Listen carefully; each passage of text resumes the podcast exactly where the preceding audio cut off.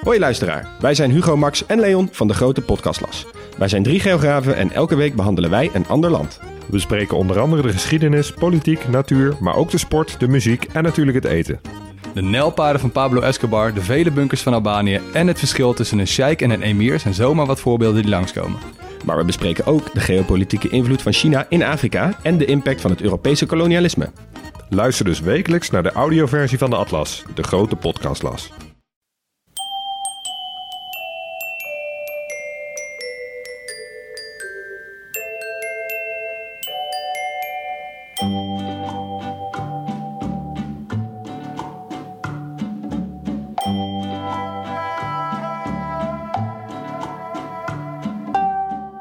Welkom bij aflevering 100. Aflevering 100 alweer? Ja, 100 van de Echt Gebeurd podcast. Waar waargebeurde verhalen worden verteld door de mensen die ze zelf hebben meegemaakt. In deze podcast een verhaal van Victor Brands. En het thema van de middag was Tussen vier muren. Ik eh, neem jullie mee naar een uh, tijd waarin ik uh, drie jaar spendeerde in een gevangenis of in diverse gevangenissen in de Verenigde Staten. In het pittoreske Oost-Texas. waar ik drie jaar mocht spenderen omdat ik wat stoute dingen had gedaan. Um, de FBI en de DEA zijn instanties die in Amerika proberen mensen op te sporen en proberen daar ze te verhoren en proberen ze daar alle waarheid uit ze te krijgen. En een van de tactieken die ze daarvoor gebruiken, dat is het zogenaamde asfalttherapie. En asfalttherapie is een soort slang, een bijwoord geworden. Uh, het betekent niks anders dan dat ze gevangenen die al ergens in de gevangenis zitten, continu laten reizen, zodat die mensen niet kunnen wortelen en die mensen niet kunnen aarden en dan hopen ze dat uiteindelijk die mensen een keer gaan praten. Uh, in die drie jaar dat ik in Amerika verbleef in gevangenissen, hebben ze mij een aantal keer van die asfalttherapie roadtrips gedaan. En het volgende verhaal gebeurde tijdens een van deze roadtrips, om het maar zo te noemen. Ik ehm, moest voor verhoor komen in Atlanta. En de FBI had me op zo'n roadtrip gestuurd om daar verhoord te worden. Ehm, Overigens dacht de FBI dat ik veel meer wist dan dat ik daadwerkelijk ook wist. En ik was de enige die echt wist van ja jongens, ik weet niet meer, ik kan wel dingen gaan verzinnen. Onderweg tijdens die roadtrips kwam ik wel jongens tegen die 17 maanden al aan het reizen waren zo. En uh, ja, dat zijn vrij onmenselijke zaken. Um, ik bevind me in een cellencomplex ondergronds in Atlanta. Onder een groot uh, ja, gerechtsgebouw, om het maar zo te zeggen. En um, geketend aan polsen, enkels en om mijn middel heen uh, slenter ik van een ondergrondse cel, word ik naar een verhoorcel gebracht. Je voorstellen, de stank van urine en ontsmetting, ontsmettingsmiddel loopt daar een beetje door elkaar heen. En een duidelijk gepensioneerde bewaker die nog wat bijklust, brengt mij naar een nieuwe cel toe. Eenmaal aangekomen bij die cel zie ik vanuit mijn ooghoek iemand helemaal achterin die cel staan. Een grote man die roerloos, roerloos kijkt. En het is meteen zijn blik die me opvalt.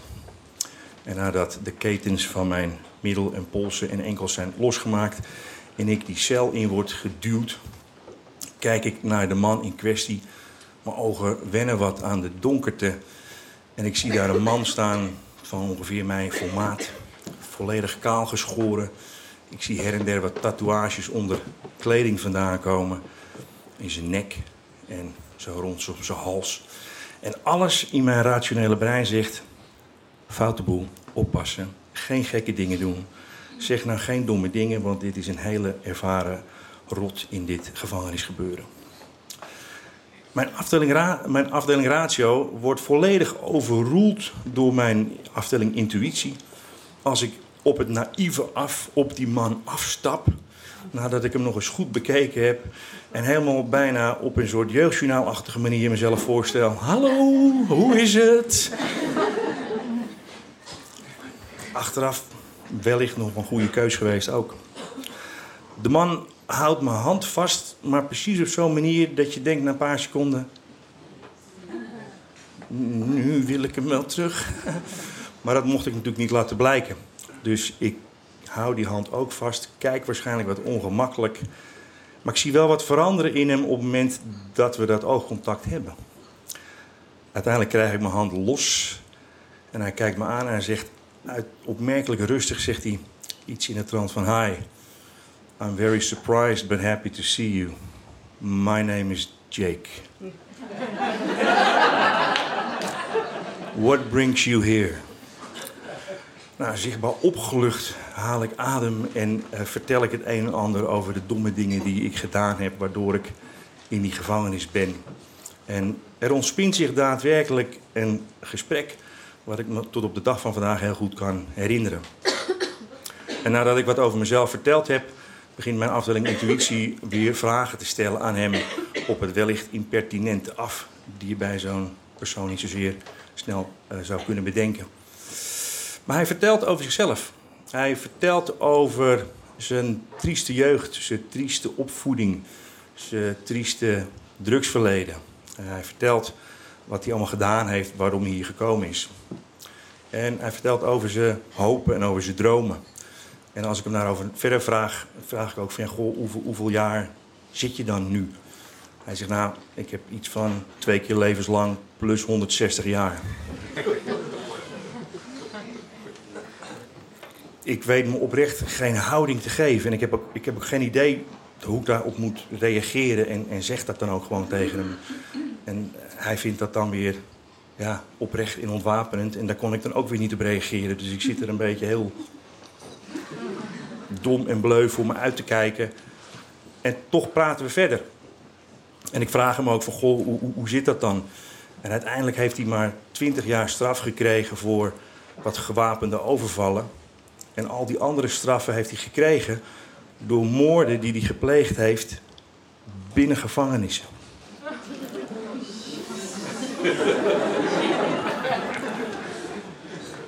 Wederom begint mijn afdeling intuïtie en ratio een verhitte discussie uh, met elkaar te voeren, maar daar komt niks uit. Ik, ik, ik kan niks anders doen dan hem heel verbaasd aankijken en ook vragen van... Goh, mag ik je hier wat over vragen? En hij zegt, ja, natuurlijk mag je dat. En hij zegt ook van ja, hij zegt, het enige wat mij hier nog houdt is, is mijn dochter. En daar vertelt hij over. En hij vertelt ook hoe hij dan de laatste moord heeft gedaan. En daar komt hij hier, zoals hij nonchalant zegt, even 300 maanden straf voor halen. Maar ja, met twee keer levenslang. En weet je wel, het maakt hem niet meer uit. Hij vertelt ook hoe hij het gedaan heeft. Ik, ik denk, ik, voelde dat ik hem kon vragen. En, een, een shank is een, is een wapen in de gevangenis. En hij vertelde ook dat ze met de uiteinden van een tandenborstel, die splijten ze dan. En dan doen ze een stuk scheermes tussen en dan smelten ze dat weer dicht. En dan hebben ze dus een soort wapen. En daarmee heeft hij een, een, een snitch, een verrader. Iemand die andere gevangenen verklikt, klikspaan, boterspaan. Die heeft hij daarmee vermoord. Daar heeft hij 800 dollar voor gekregen. 800 dollar voor een, voor een mensenleven. En als ik dan vraag van waarom die 800 dollar, zegt ja, hij zegt dat had ik nodig voor een uh, uh, eindexamen cadeautje voor mijn dochter. Ja, ik, ik zit te tollen in, in, in, dat, in dat gekke celletje daar zo met z'n tweeën, omdat ik al in een hele vreemde wereld ben, maar nu met hem echt een gradatie kom waarvan ik echt denk, dit, dit ga ik nooit meer hopelijk ooit meemaken. Hij vertelt ook dat hij zit in de Supermax in Colorado. Een soort van ja, excentrieke beveiligde gevangenis in Colorado die half ondergronds is. En dat hij al vijf jaar in isolatie zit. Dat hij dus met niemand contact heeft. Ook niet telefonisch. Uh, weet je, hij, schrijft brieven.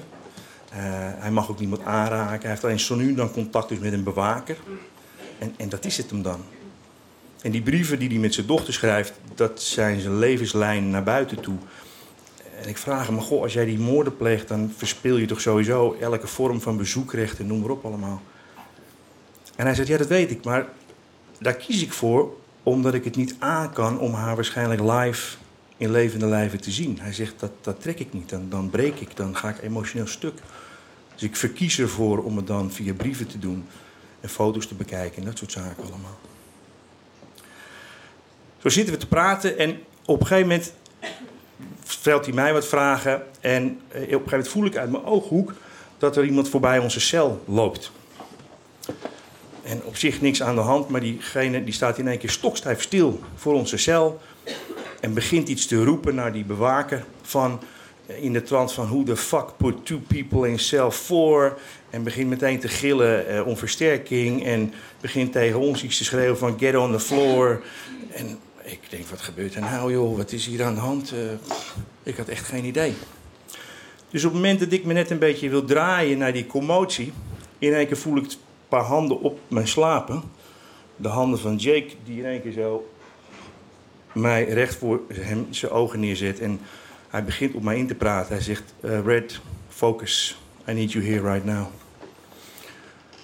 Ik krijg weer wat kriebeltjes, want ik denk: Nou, blijkt dan toch misschien dat hij nu nog iets anders gaat doen.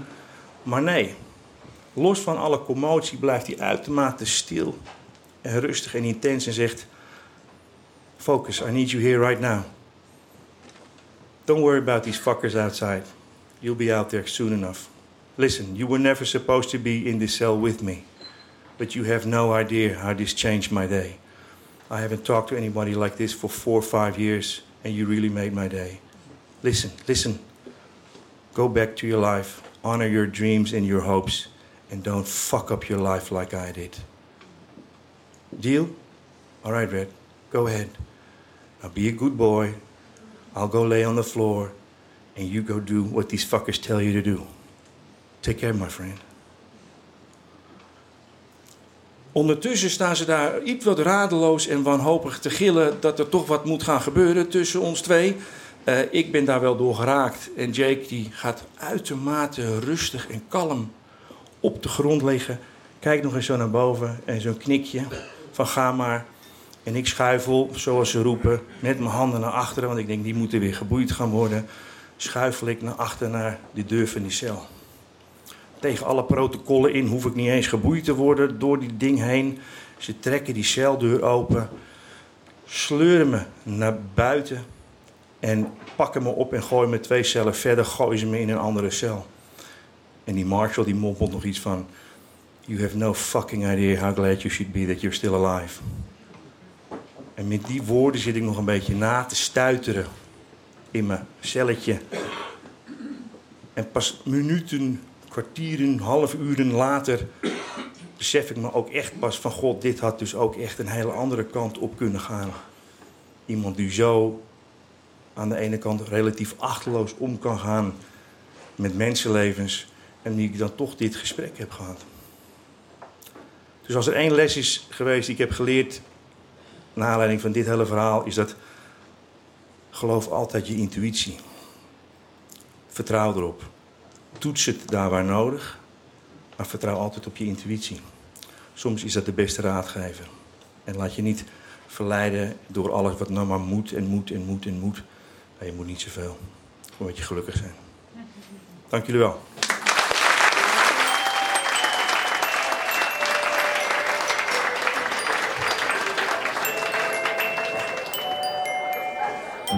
Dat was het verhaal van Victor Brands.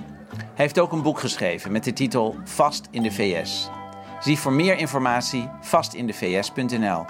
De Echt Gebeurd podcast, waarvan dit dus de honderdste aflevering ja, de is. honderdste. Maar Micha, hoe komt zoiets dan tot stand? Door luisteraars zoals u.